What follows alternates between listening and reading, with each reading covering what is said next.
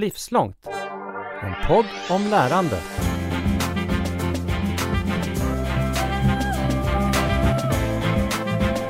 Ja, nu har hösten börjat tuffa på ordentligt här. Här från Livslångt så fortsätter vi fylla på med gäster från alla håll som vi bara kan hitta och vrida och utforska och vända på det här med lärande. Ett litet, litet nettoområde som vi kom på att vi skulle leka med och prata om.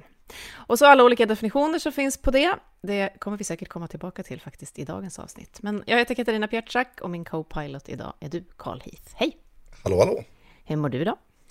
Idag är det rätt så fint. Det är en sån där höstpromenadmorgon med busigt väder på framsidan av Sverige. Och då trivs jag ganska bra. Vi har busigt här i mitten också. Men du, idag blir det ganska spännande, för du har ju rätt god koll, tror jag, på dagens gäst, ska man säga. Inom vilket håll eller område på den här livslångt lärandemarknaden som vi rör oss på skulle du placera honom? Jag placerar Christian på eh, en plats av en person som varje gång man möter honom ger uttryck för sitt eget lärande och eh, verkar i en eh, organisation som jag har föreställningen om är beroende av lärande och kunskap för att göra det den håller på med. Mm. Och det fascinerar mig vad som får sådana organisationer och verksamheter att, funka och utvecklas. Så vad kommer vi få lära oss idag tror du? Ja, men jag är ju väldigt nyfiken på liksom, ja, men just det här hur det går till när, eh, när liksom företaget eller den, den mindre verksamheten eh, tar kliv i sin egen kunskapsutveckling och mm. möter motstånd från omvärlden och hur man navigerar det. det. Det ska bli spännande att lyssna på. Tycker jag också. Jag klarar aldrig av att prata om någon i tredje person särskilt länge, särskilt som den är här. Så varmt välkommen Christian Landgren. Tack så jättemycket.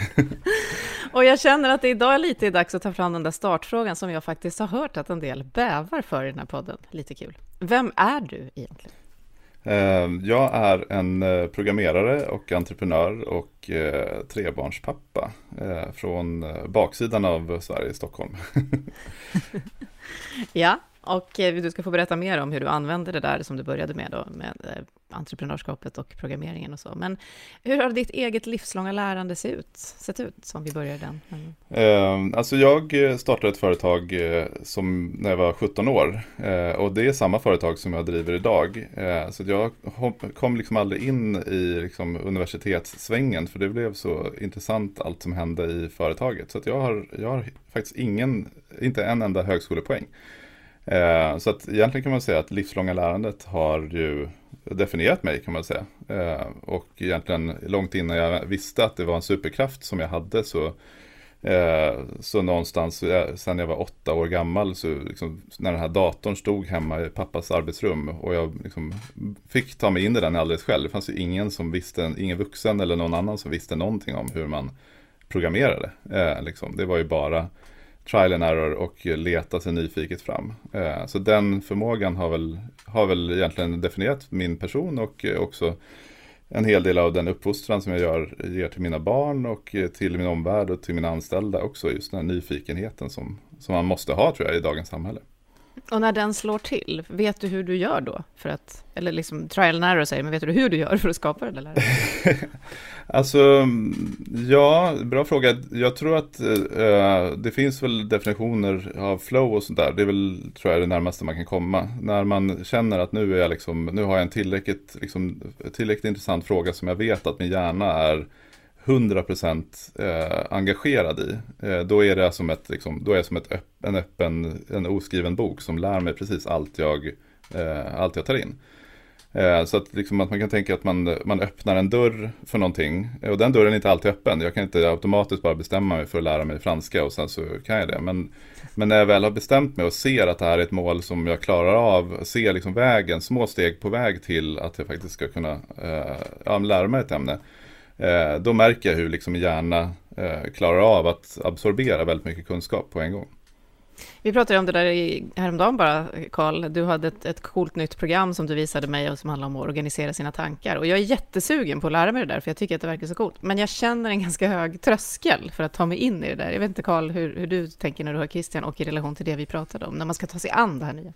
Jag känner ju igen mig väldigt mycket i din beskrivning, Christian. Eh, det som Katarina refererade till, det var ett eh, program. Det får vi återkomma till, annars kommer vi att liksom uppta hela podden åt detta. För jag är fortfarande liksom i den här positionen av att den här dörren är öppen och att jag håller på att slukar väldigt mycket kunskap kring hur man organiserar sina egna tankar utanför huvudet på ett nätverksbaserat och systematiskt sätt. Mm. Och uh, kan dra nytta av ens egen kunskapshistoria i nuet på, på helt nya och andra sätt än vad jag har trott var möjligt innan. Och just liksom, när man är på den där upptäcktsresan i det där sammanhanget som du beskriver, då, då, då håller jag med dig om att det är liksom, jag har svårt att, att backa, utan jag behöver liksom, jag måste förstå mer eller, eller fördjupa mig mer. Men det är intressant, tänker jag, som en fråga till dig Christian, vad är det liksom, du säger att du kan liksom inte, det är bara inte en dörr som öppnas och så är det där. Liksom. Det hade ju varit sjukt praktiskt om det var så att man bara kunde bestämma detta. Liksom. Jätteskönt. Men ja. nu är det ju inte det och då tänker jag, liksom, vad är din tanke om det där? Vad är det för någonting som får igång dig? Är det ämnesinnehållet eller är det liksom lärandet i sig självt? Eller är det, du säger att det behöver vara något som du känner att du tror att du klarar av. vad, vad är, vad är det som gör Nej, men jag tror att det är en viktig komponent i det, det är att det finns ett första steg som är eh, hanterbart. Eh, många gånger kan det vara så att men, om jag ska lära mig liksom machine learning och sådär eh, och in i djupet på det där, då, då, kan det vara så att det finns ett första hinder i form av liksom eh, mat, väldigt avancerad matte. Eh, som är liksom ett hinder som är lite för stort. Eh, däremot så kan man då, och, och där, så då har man liksom man själv på en position och det man vill lära sig på en annan position och sen står ett stort hinder på vägen. Men men så letar man och så letar man och till slut så hittar man någonting som är så pass lättillgängligt så man kan ta sig in och kanske förbi det där hindret som man förut hade. Och då känns det ju som att då har man liksom raksträcka att springa på. Så jag tror att det, det är nog det jag går runt och letar efter. Dels så har jag liksom mål, som jag, så här, kunskap som jag vill absorbera. Eh, men sen så letar jag efter de här små, små öppningarna eh, som gör att man kan ta små steg för att komma, närma sig det där målet. Um, så det är väl nog det jag går runt och tänker på. Så här, vad, är, vad är det nu runt omkring mig som är, som är... Men sen kan man också, en annan del är ju att man, man ganska ofta tror att saker är större hinder än vad de faktiskt är. Ehm, så ganska många gånger så handlar det också om att utmana sig själv i att Ja men är det något, något programvara som tycker det här kanske är alldeles för avancerat. Eller man kanske har en föreställning att jag är inte en designer, alltså ska inte jag kunna det här programmet eller göra de här sakerna och sådär. Sen så kan man vara lite ärlig mot sig själv och fundera på vem är det som egentligen har, som har bestämt det? Och där tror jag att jag kanske har en liten fördel av att jag inte har gått en utbildning som, som väldigt väl har definierat mig in i ett fack och därför så är jag, ska jag hålla mig till mitt skrå och jag ska inte tro att jag kan någonting annat. Eftersom jag inte har någon sån liksom, färdig label på mig så kan jag egentligen navigera mig runt i var som helst egentligen. Eh, mm. Vilket tycker jag kan kännas som en, som en frihet många gånger. Och den, vi har pratat om att den labeln kan sättas väldigt tidigt ibland i skolan. Någon säger du kan inte det här eller du kanske inte är så bra på det här eller så här. Ja, men också jag, jag tänker mycket på uppfostran med mina barn att försöka, det är som klyscha liksom, du kan bli vad du vill och det är inte riktigt sant. Men, men eh, om man tänker på vad eh, eh, det jag försöker hela tiden, när de visar saker som de har gjort, eh, kanske en teckning eller om de spelar piano eller någonting, så Istället för att säga att du, eh, vad du är duktig på det där. Du har verkligen talang för att måla eller för, för att liksom, eh, spela fotboll eller vad det kan vara. Eh, så säger jag, gud vad du måste ha övat mycket för att lyckas med det där. och även när någon kommer hem och är imponerad eller visar YouTube-klipps på, på folk som de tycker har gjort någonting som är bra. Så säger jag, fattar du vad mycket de måste ha övat för att lyckas med det där skateboardtricket eller något sådär. För då då ger man barnen också en, liksom, då drar man ner gränsen för vad det där är och också definierar inte in dem själva och någon annan i ett fack. Eh, för det är det man gör, man säger att gud vad de var så talang för att spela piano. Och så prövar de själva att sätta sig och spela piano så kanske de inte är lika bra så tror de att då är jag inte en pianospelare. Mm. Eh, men, men säger man att det handlar om öva då, kan, då skapar man också en väg för dem att ta sig till det, till det här målet som de själva har, eh, har, har sett då eller kanske fantiserat om de absolut skickligaste förskolepedagogerna jag har haft förmånen att vara nära genom sådana föräldrakooperativ, de jobbar ju precis så som du beskriver mm. nu. Rustar människor för det här. Karl, mm. vad tänkte du säga? Jo, alltså, det får mig att tänka på eh, en text som jag har diskuterat nu alldeles i närtid här, från en bok som kom eh, förra året som heter How Learning Happens Seminal Works in Educational Psychology and What They Mean in Practice. Där man, det finns ett kapitel som beskriver i den här boken skillnaden på när man är en novis och när man är en expert. Mm. Och att det finns olika, alltså man behöver olika liksom, navigationsverktyg för att tillgodogöra sig kunskap eh, mm. i, i, om man är liksom, den helt nya novisen och att man då behöver liksom, hjälp och den här vägledningen i hur man kommer vidare. Eh, mm. Kanske liksom pröva med tydliga exempel och resor och så vidare. Men att när man själv är expert så kan det där närmast bli ett hinder utan att man behöver liksom ha den här agencyn eller liksom egenmakten över sitt eget lärande och sen gå vidare. Och att det är liksom mm. lite olika saker någonstans i att liksom ta till sig kunskap om man redan har kunskap som man liksom mm. förfinar och fördjupar jämfört med när man tar till sig av det helt nya och okända någonstans. Och det du beskriver det är ju att du, jag får upp, upplevelsen av att du beskriver egentligen att du har strategier för båda de här scenarierna i dig själv. Att du vågar att ta till dig av det helt nya mm. för att du inte har den här liksom gränsen eller vad det kan vara och sen vågar du ta till dig av, eller så jobbar du med den kunskap du redan har. Är du med på? Mm. Ja, precis. Men sen tycker jag också att det är viktigt att säga att de flesta sakerna i någon mening ändå påminner om varandra. Eh, jag vet att det var någon som sa att när man är bra på ett språk, eller man är bra på två eller tre språk, så är det mycket lättare att lära sig ett fjärde och ett femte språk. Och det där tycker jag är fascinerande. Jag är inte själv alls bra på språk, men, eh, men så kan jag tänka rätt mycket med liksom programmering och mycket av de frågorna som jag är inne på. att att i grund och botten så, så är det ju inte så här, det man tror är att det är teknik, att det är väldigt tekniktungt och sådär. Men egentligen så handlar det om människor. Det finns mm. ju människor som har tänkt någonting när de har designat sina programspråk eller sådär. Vilket gör att kan man förstå vilka människorna är som står bakom vissa saker så är det, så är det egentligen samma strukturer som återupprepar sig. Och det är ju både det är samma sak inom företagande. Så att det, har man väl lärt sig liksom hur människor agerar på ett sätt så kan man, så kan man förstå hur, de, hur ett företag kommer att agera i någon, i någon sorts mening. Så. Eh, så att jag har ju rätt mycket, jag använder min intuition ganska mycket på det sättet. Jag, jag, kan liksom tänka mig ungefär hur saker och ting kommer utspela sig för att jag vet, för att det påminner om hur det brukar bli på olika sätt. Och, eh, det där tror jag man, eh, så att jag tror att när man väl blir expert inom ett, ett område så tror jag att det är lätt att man liksom kan faktiskt applicera eh, de, de idéerna och mönstren som man ser från ett område på något annat. Eh, och eh, sen tycker jag att det är fantastiskt kul eh, när, man, när jag nu jobbat ganska mycket med AI-utveckling och sådär, applicera AI eh, och tränat eh, många machine learning-modeller och sådär. Och då, och då börjar man ju se hur liksom, i, den renaste formen hur liksom de här neurala nätverken fungerar och var de fastnar och att det finns lokala minima och det finns liksom sätt som man kan överföra kunskap från ett nätverk till ett helt annat och sådär. För, att för att det är samma sak där, att de lär sig också de här grundläggande mönstren eh, som någonstans återupprepar sig i hela naturen. Eh, så att det är helt otroligt liksom, hur man får reflektera över sin egen hjärna och sitt eget lärande när man, här, när man tänker på och när man faktiskt praktiskt jobbar med eh, maskininlärning. Mm. Eh, både du och jag, Karl, har gått en eh, onlinekurs som heter Learning how to learn. Eh, och där, efter det så tänker jag ofta på hjärnan som ett flipperspel. Det ni beskriver nu, att om det inte finns någon sån här krok som liksom kulan kan fastna i, ja. då kommer den trilla ner igen. Men så fort Exakt. du börjar skaffa dig de där krokarna, så det, det är en sån sak som finns med mig ofta när jag tänker på lärande. Mm. Men du Christian, du berättade att du går och letar efter de här lite, lite lägre trösklarna då, det, det, som jag behöver göra kring det här programmet vi nämnde.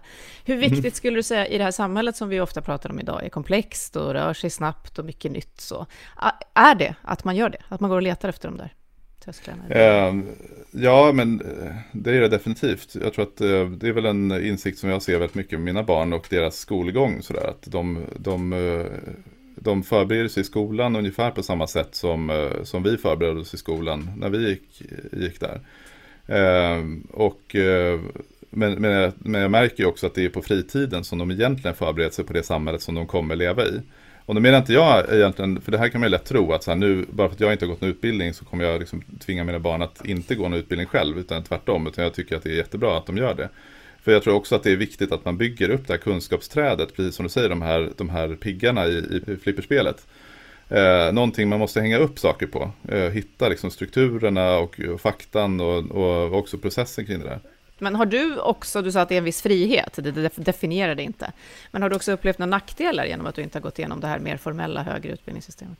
Absolut, jag tror att eh, vi har, lever i ett samhälle som är under förändring. Eh, och bara för att jag tycker att det här är fantastiskt för min egen del så betyder inte det att alla, eh, alla annonser eller alla, alla arbeten eller alla uppdrag eh, tycker att det är liksom en, en garanti att här kommer en person som säger sig kunna massa saker. Så att det, det finns ju en valideringsproblematik i det här också eh, som inte riktigt utbildningssystemet än har har lärt sig att liksom skapa någon sorts liksom trygghet för oss som lär oss på andra sätt. Eh, för att i samhället så är det väl rimligt att det finns många sätt att absorbera en kunskap. Hur skulle du vilja att utbildningssystemet var designat med tanke på det? Uh, nej men att, att man tog det verkligen utifrån ett kunskapsperspektiv. Uh, om du klarar av att göra en viss uppgift uh, så spelar det egentligen ingen roll om du har gått, skrivit alla proven på vägen. Alltså så är ju läroplanen skriven men, men så funkar det inte riktigt i praktiken idag. du måste ju ta dina, liksom, du måste följa en viss kursplan, du måste följa ett visst liksom, scenario för att kunna validera din kunskap. Och, så att nu är inte det något större problem, men, men eh, när liksom dotcom-bubblan sprack och jag var liksom 23 år och inte hade en utbildning och kände, då kändes det inte så jättekul att liksom gå runt där. Och många av mina kompisar då som hade en formell utbildning hade ju inte heller några jobb, men de kände ju ändå en trygghet att det kommer ju vända och att de hade liksom olika sätt att använda sin, sin formella utbildning på. Um, så det är klart att det är en risk att gå i ett samhälle, genom ett samhälle som inte klarar av att, att uh, förstå att det här som, som vi som är entreprenörer eh, absorberar eller som autodidakta eh, också kan värderas på, på liknande sätt. Mm. Och till exempel så är det redan, eller fortfarande idag, så finns det en hel del tjänster till exempel i offentlig sektor som jag inte skulle kunna söka till för att jag inte har en examen. Trots att jag kanske skulle, det skulle gynna samhället om jag, nu skulle inte jag vilja det, men, men att ha en, en sån person som mig i en, en myndighet eller, eller sådär, kunna göra den typen av arbeten. Det ska vi komma tillbaka till, tänkte jag, vad det, vad det skulle kunna göra och, och hur lärandet ser ut där. Men jag tänker bara den här valideringsfrågan har ju varit på så många gånger redan, Karl. Hur, hur tänker mm. du att det här påverkar samhällets lärande, att det ser ut så här som Christian beskriver fortfarande? Nej, men det, jag tycker det är lite som Christian ger uttryck för, att det finns ju en mängd eh, Eh, ganska många människor i samhället som tillskansar sig kunskaper på, på andra sätt än de som samhället eh, kan liksom ge uttryck för i en formell merit. Alltså, ett ganska liksom, banalt och enkelt exempel skulle kunna vara till exempel att svetsa. Man skulle kunna lära sig att svetsa i eh, en yrkesgymnasial utbildning. Man skulle kunna lära sig att svetsa i en vuxenutbildning. Man kan lära sig att svetsa i, till och med i högskolan. Man kan lära sig att svetsa på arbetsplatsen. Eh, och alla de här olika sätten att lära sig att svetsa på, de kommer ju leda till att man blir riktigt bra, på, eller kan leda till att man kan bli riktigt bra på att svetsa. Men det betyder ju inte att den här kunskapen värdesätts på samma sätt, även om själva kunskapsstoffet är detsamma. Eh, och det är ju där någonstans problematiken uppstår för personer då som har liksom gått de här vägarna i livet som innebär att man inte har eh, liksom bockat av diplomet eh, någonstans. Och för till exempel personer som kommer till Sverige från andra länder som kanske till och med har gått en formell meritering men inte har möjlighet att visa det. Till exempel. Eller personer med en ganska så ojämn kunskapsbild. Alltså att man är jätteduktig på några saker men är inte så duktig på andra saker och därför inte har gått vidare i ett utbildningssystem. Mm. Eh, kan ju också skapa begränsningar. Så det finns ju, och det gör ju i praktiken att människor som kan väldigt många saker inte har möjlighet att ge uttryck för sin kunskap och växa som människor. Och därför kan de inte heller bidra till samhället. Så det finns ju liksom oerhört starka argument för samhället att utveckla och förbättra förutsättningarna för validering.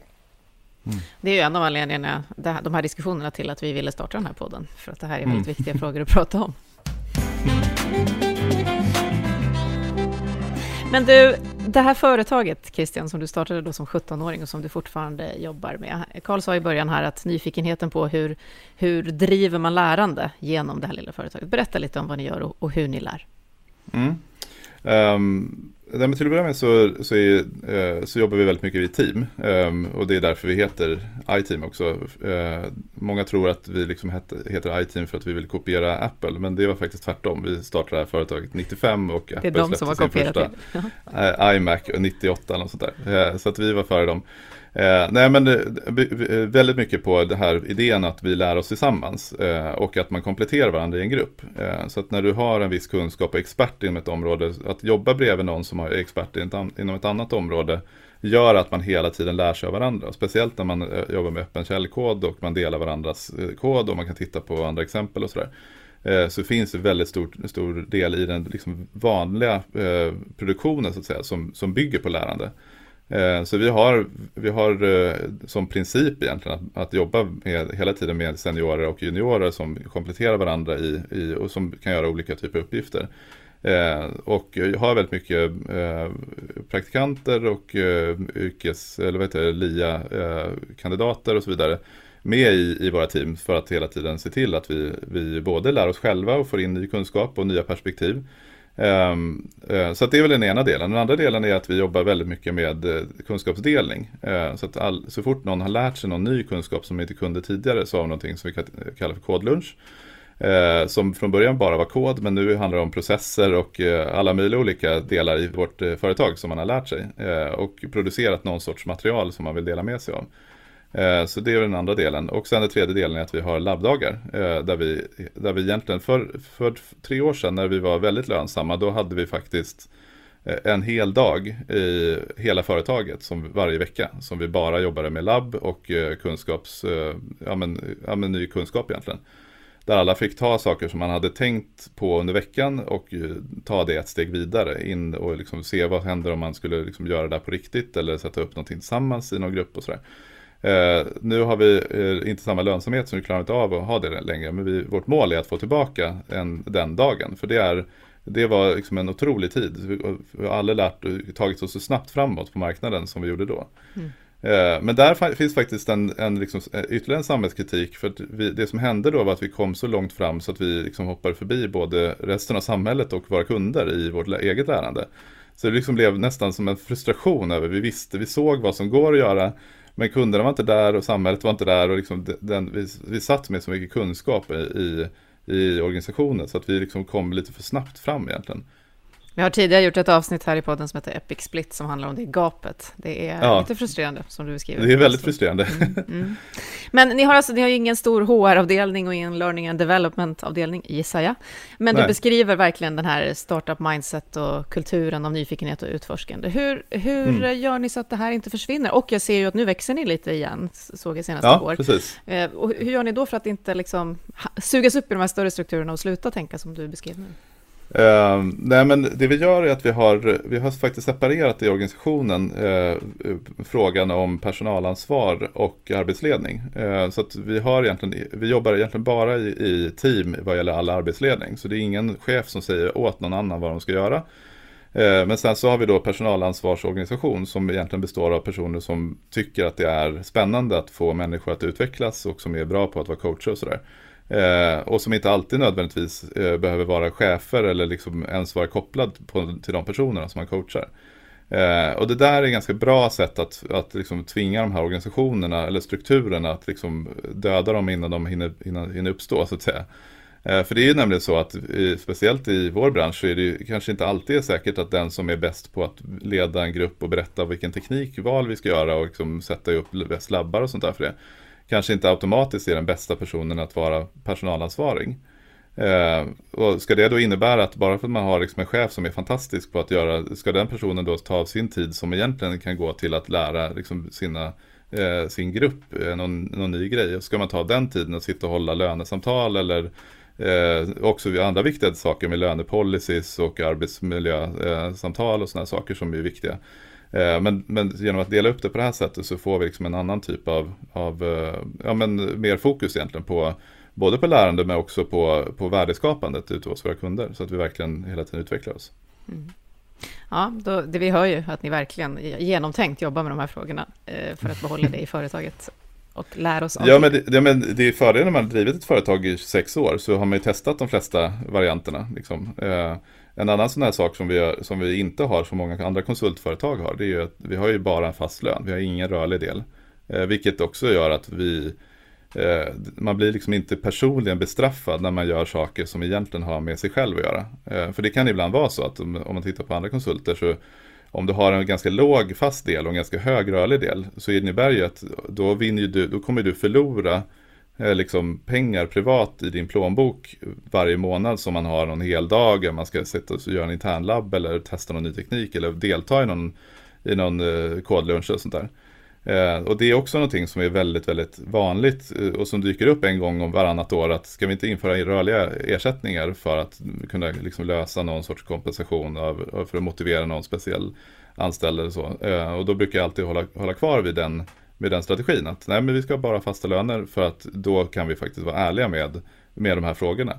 Och också i vissa fall kunna välja bort vissa kunder där vi känner att här lär vi oss ingenting alls. Här, här liksom bara en straksträcka mot, mot ingenting egentligen. Eh, så det är flera tillfällen som vi har tagit riskabla beslut och faktiskt avslutat kundrelationer som inte har funkat eh, av den här anledningen. Mm. Och det hade vi inte heller kunnat göra om vi inte hade haft den, den typen av strukturer. Eh, så, och sen den tredje delen är att vi är person, helt personalägda, vilket gör att vi som jobbar, eller vi som äger också jobbar. Så för oss är det viktigt att vi har liksom en bra arbetsmiljö och får göra roliga grejer. Eh, och lära oss nya tekniker eh, och, och nya metoder och sådär.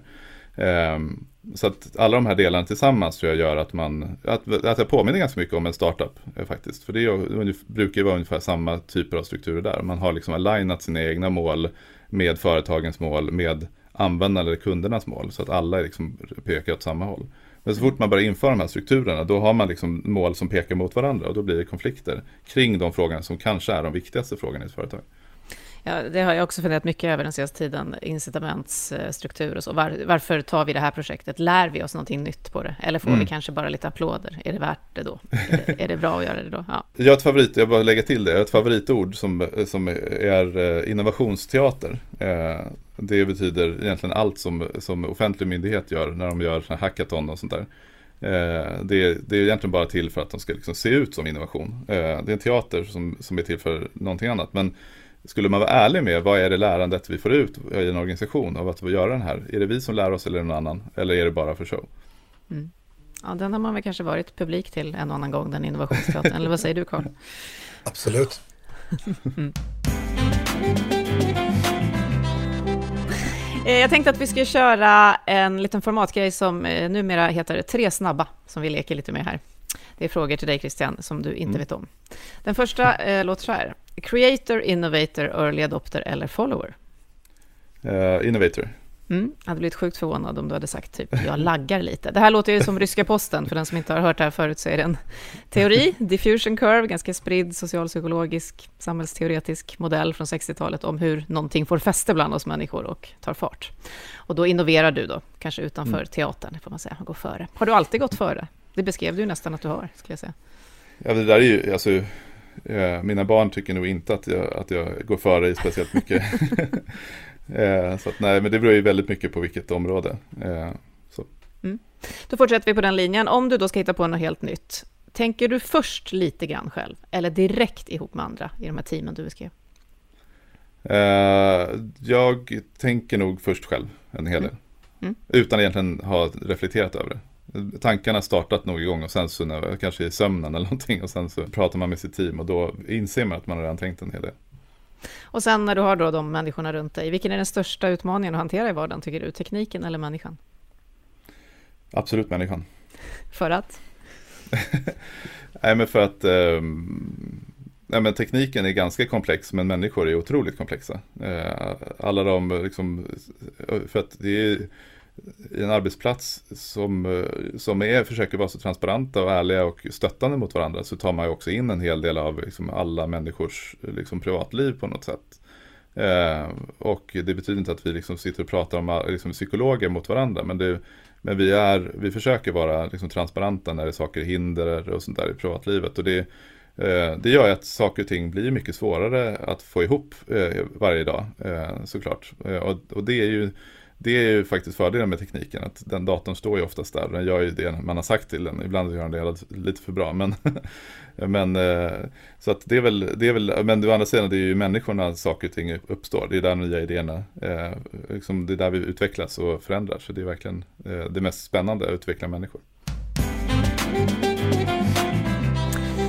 Okej, för en tid sedan Christian så bestämde du och några medföräldrar till dig er för att verkligen utmana gamla strukturer och det resulterade i att ni byggde en app som heter Öppna skolplattformen. Ehm, vad fick er att bygga den och berätta, vad, vad är det för app?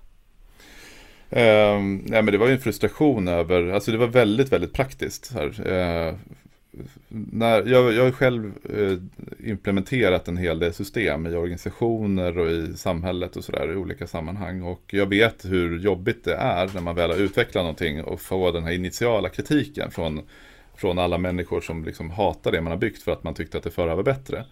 Eh, så att med det sagt så var jag väldigt så här, eh, medveten med mig själv och försökte att inte bli alltför upprörd med den här Stockholms stads skolplattform då, som hade släppt. Men när det väl hade gått två år och det fortfarande var liksom säkerhetsproblem och det, den inte fungerade. Man var tvungen att logga in och logga ut för varje barn. Och, eh, dessutom så hade jag, eller jag har i mina barns skola en rektor som verkligen tycker att det är viktigt att vi nu använder oss av det här och liksom ger ett riktigt försök. Så, så att, eh, för att jag ska veta om de ska ha med sig gympapåsen idag eller, eller om det är tidig hämtning på, på fritids och sådär. Så var jag verkligen tvungen varje dag att gå in i det där verktygen.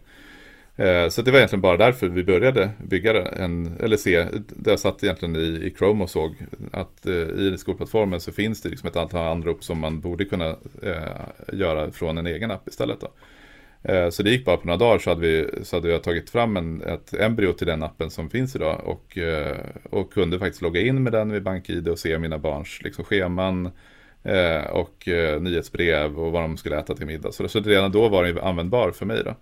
Eh, och sen efter det så visade jag upp den för eh, lite andra eh, kodapor eh, och eh, då visade det sig att det var väldigt många som kände som jag. Ett väldig frustration. Eh, så att det skap, blev verkligen skaparkraft av det där. Så det är verkligen ett intressant case där man kan se hur den här frustrationen och, eh, också kan bli, eh, göras om till kreativitet. Eh, så att nu är det väl 38, eller den första personen som hängde på var faktiskt Erik Hellman och han jag har inte själv några egna barn. Han tyckte det var en spännande utmaning bara att, att bygga det här och eh, intressant utifrån samhällsperspektiv att eh, bygga den som öppen källkod och eh, göra liksom en, en resa av det här. Um, och sen så, ja nu är det 3000 personer som har laddat ner och granskat vår kod. Eh, 38 personer som har varit med och bidragit. Det finns hundratals personer som har hjälpt till att översätta appen testa den från ett funktionsperspektiv, hjälpt till med design och, och juridik har det varit jättemycket jurister Ja, för hur blev mottagandet av det här appen ni byggde? Eh, ja, alltså eh, det mottagandet som vi fick officiellt var väl att ja, men det här är intressant och vi måste bara säkerställa att vi gör rätt och sen ska vi liksom se till att kunna samarbeta. Men eh, samtidigt så startade de igång Stockholms stad en, en eh, legal utredning för att se hur de kunde stoppa eh, den här appen. Och, eh, och sen så försökte de på olika sätt både hota och och sabotera för appen så att den skulle sluta, eller för att, så att den faktiskt slutade funka. Eh, utan att egentligen ha några, några lagliga argument för, eh, för sitt agerande. Då. Och vad tänker du eh, att det är ett tecken på? Vad är det som ni hamnade i här? Eh, nej men det vi gör väl egentligen att vi exponerar ju den, eh, den både brist på kunskap eh, kanske men också eh, det behovet av kontroll tror jag i offentlig sektor. Eh, jag tror att det påminner ganska mycket om hur det var i början av liksom, när de första kommersiella piratradiostationerna uppstod eller när Doro släppte sina liksom, telefoner som gick att funka i vanliga telejacket. Och, eh, när TV4 började komma med kommersiell tv. Alltså, när samhället tar ett kliv och man måste igenom det. Och, och vi var väl det första igenom den liksom på, i den, någon sorts, på någon, sorts meningsfull nivå. Eh, att, att påstå att det här med liksom, digitalisering är inte bara en privat och en, en alltså det finns en skiljelinje mellan det privata och det offentliga. Det måste finnas en gråzon däremellan där man samarbetar. Eh, och det var väl det som jag tror eh, skapade den här stora oron egentligen från staden. Att de skulle inte längre kunna ha kontroll på situationen att de nu behöver liksom göra sin, sin, sitt liv som redan är säkert jättekomplicerat med att få den här jättestora kolossen att röra sig en millimeter framåt så kommer vi att liksom sabba deras tempo så att säga. Mycket snabbare fanns... och för mindre pengar. Ja, och sen så finns det ju, man kan ju resonera hur mycket som helst om, om deras motiv bakom men det finns nog en del rädsla och en del liksom eh, någon sorts, eh, vad ska man säga, eh, prestige eller eh, alltså, som ligger bakom deras reaktioner. Och jag tror att det är väldigt, väldigt mänskligt. Jag är inte säker på att jag hade reagerat annorlunda om jag hade suttit och byggt någonting och hade hoppats att nu ska vi snart få lansera vår nya version och så kommer någon, något gäng och liksom gör eh, någonting som sabbar min vardag eh, och gör att journalister hör av sig och liksom folk är arga. Eh, men, men jag tror att i det stora hela så hoppas jag att det här kan bli liksom ett, ett litet, en liten gnista av hopp också för, för jag tror att nu ligger vi sist i alla mätningar i den offentliga digitaliseringen. Vi som i Sverige. Mm. Vi som i Sverige. Mm. Eh, och för att vi ska liksom få någonting att peka på och säga att det finns faktiskt andra alternativ och andra länder är mycket bättre på det här än vad vi är i Sverige. Så att, att få någon, ett exempel och ta det hela vägen som vi har gjort nu och fått den här polisanmälan på oss men också fått den nedlagd och visat att det här är faktiskt inte brottsligt. Vi har faktiskt rätt att göra de här sakerna som vi gör. Eh, det tror jag är viktigt eh, och att man kan diskutera vad det innebär egentligen. Vad har du lärt dig mest av den här resan? Oj, jag har lärt mig dels jättemycket om hur liksom, offentlig verksamhet funkar, om offentlighetsprincipen, om yttrandefrihet och massvis om lagar, men också om demokrati, vad som är viktigt i det. Och sen så har jag lärt mig så otroligt mycket av alla människor som har, som har stöttat och hjälpt till och peppat. Och jag, alltså varje dag så får jag mail och, eh, och sms och, och hurrarop från, från massor av människor som inte kan göra, uttala sig officiellt. Eh, men som gärna gör det bak, bakvägen, vilket stöttar ju mig otroligt mycket och skapar nya kontaktvägar och sådär. Så det har verkligen varit en lärorik, lärorik process för mig. Mm. Vad hoppas du på framåt då till sist? Du har en 14-årig konstnär till son får vi säga. Jag har sett hans ja. alster på Instagram eh, i 3D-konst, helt mindblowing. Eh, mm man undrar ju bara hur har han lärt sig allt det där? Men med tanke på din resa så kanske inte det är så konstigt. Men vad hoppas du nu för honom framåt när vi nu har pratat om gamla strukturer, nya sätt att lära och sådär? Att, att, vad får fortsätta på området lärande? Nej, men det, jag tror att det, det, är väl det som är mitt största kall egentligen, att lämna, alltså att mina barn inte ska behöva gå samma resa som jag har gått. Eh, det har tagit mig ganska lång tid innan jag liksom har landat i någon sorts liksom acceptans i samhället för den, för den bilden, vad jag tror och jag tror många delar med mig vart det här är på väg. Eh, och, alltså, och det handlar inte bara om tekniken utan det handlar också om de globala frågorna. Klimathotet och alla de här jättestora, viktiga, komplexa frågorna.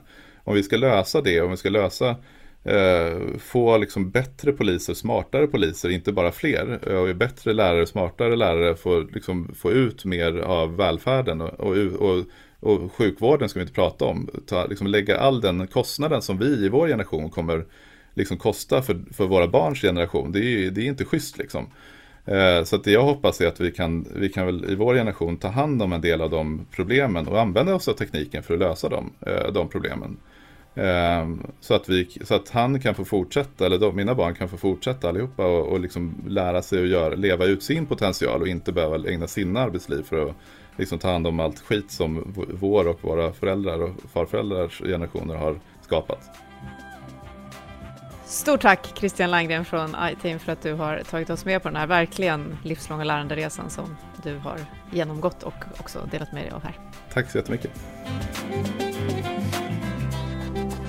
Nu eftersnacket.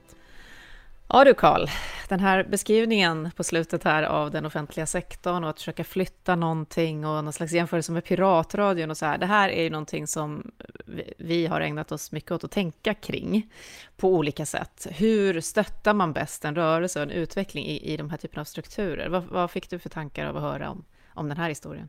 Och liksom backar man bandet 30 år eh, och man var frustrerad eller upprörd över en process i det offentliga så fanns det ju i princip ingen möjlighet att förändra den eh, på egen hand utan att så att säga påverka den organisationen, delen av det offentliga som utförde den verksamheten. Om jag för 30 år sedan var upprörd över hur socialtjänsten eller skolan eller vad det nu än kan vara för någonting, så var ju min verktygslåda för att, så att säga, agera förhållandevis begränsad jämfört med vad den är idag. Mm, Bara det hacka liksom vid sidan av. Ja, alltså det faktum att liksom ett antal föräldrar kan skapa någonting eh, som eh, ger uppenbart värde och nytta för många andra föräldrar. Eh, det, tycker jag är en, eh, det tycker jag är tänkvärt för det säger någonting om liksom, vad digitaliseringen innebär för möjligheter för, för det offentliga. Men det säger också någonting om liksom, den här liksom, distribuerade kunskapen som också Christian liksom, illustrerar i någon mening och det är ju att liksom, samhället är verkligen genuint komplext men det finns så många olika vägar att tillskansa sig kunskap ifrån. Och det, det pekar ju också på värdet av användarens kunskap i det här fallet. Att liksom vilja bygga en lärande organisation eh, och förstå förutsättningarna för min organisation så kommer jag behöva förstå den som använder mina tjänster och den som liksom möter min verksamhet. För det gränssnittet till kunden eller medborgaren eller vad det kallas beroende på vilken organisation man har det är någonstans i ett lärande gränssnitt. Det är ju för dem jag jobbar. Och uppstår det innovation, förändring, förnyelse i, i den kontexten så behöver jag ju själv ha en organisation som har förmågan att ta in och använda det till någonting positivt. Och där tror jag vi har en väldigt stor resa framför oss i väldigt många organisationer att fundera över hur gör vi för att bli en lärande lärandeorganisation, inte bara inuti oss själva utan också i relation till de som vi tjänar och det syfte vi har utanför oss själva. Mm. Tillsammans med det. Och där kommer ju den där frågan om, eh, det var ju därför den var med, teknik eller människa var ju svårast. För hade vi inte varit så komplexa som människor så kanske inte mycket av de här trubblen som Christian beskrev hade uppstått. Rädslor kanske, men nu har ju vi lagt massa jobb på det här och nu kommer ni och, och hackar det liksom. Ja, men det är väl en himla tur att vi inte är ett robotsamhälle. Ja, det är jag. verkligen, det, det tänker jag också. Och det gör att resan blir svår och intressant. Mm. Ja, absolut. Ja. Nej, men vi kämpar på helt enkelt med olika, på olika sätt. Det var väldigt spännande i alla fall att höra allt som Christian berättade och också det här om plattformen. Du, eh, då får du eh, ha en himla fin dag så hörs vi snart igen Karl. Det gör vi. Tack, hej då. Hej. Du har just hört Livslångt, en podd från RISE om allt det där man lär sig i livet. Vi hörs om en vecka igen.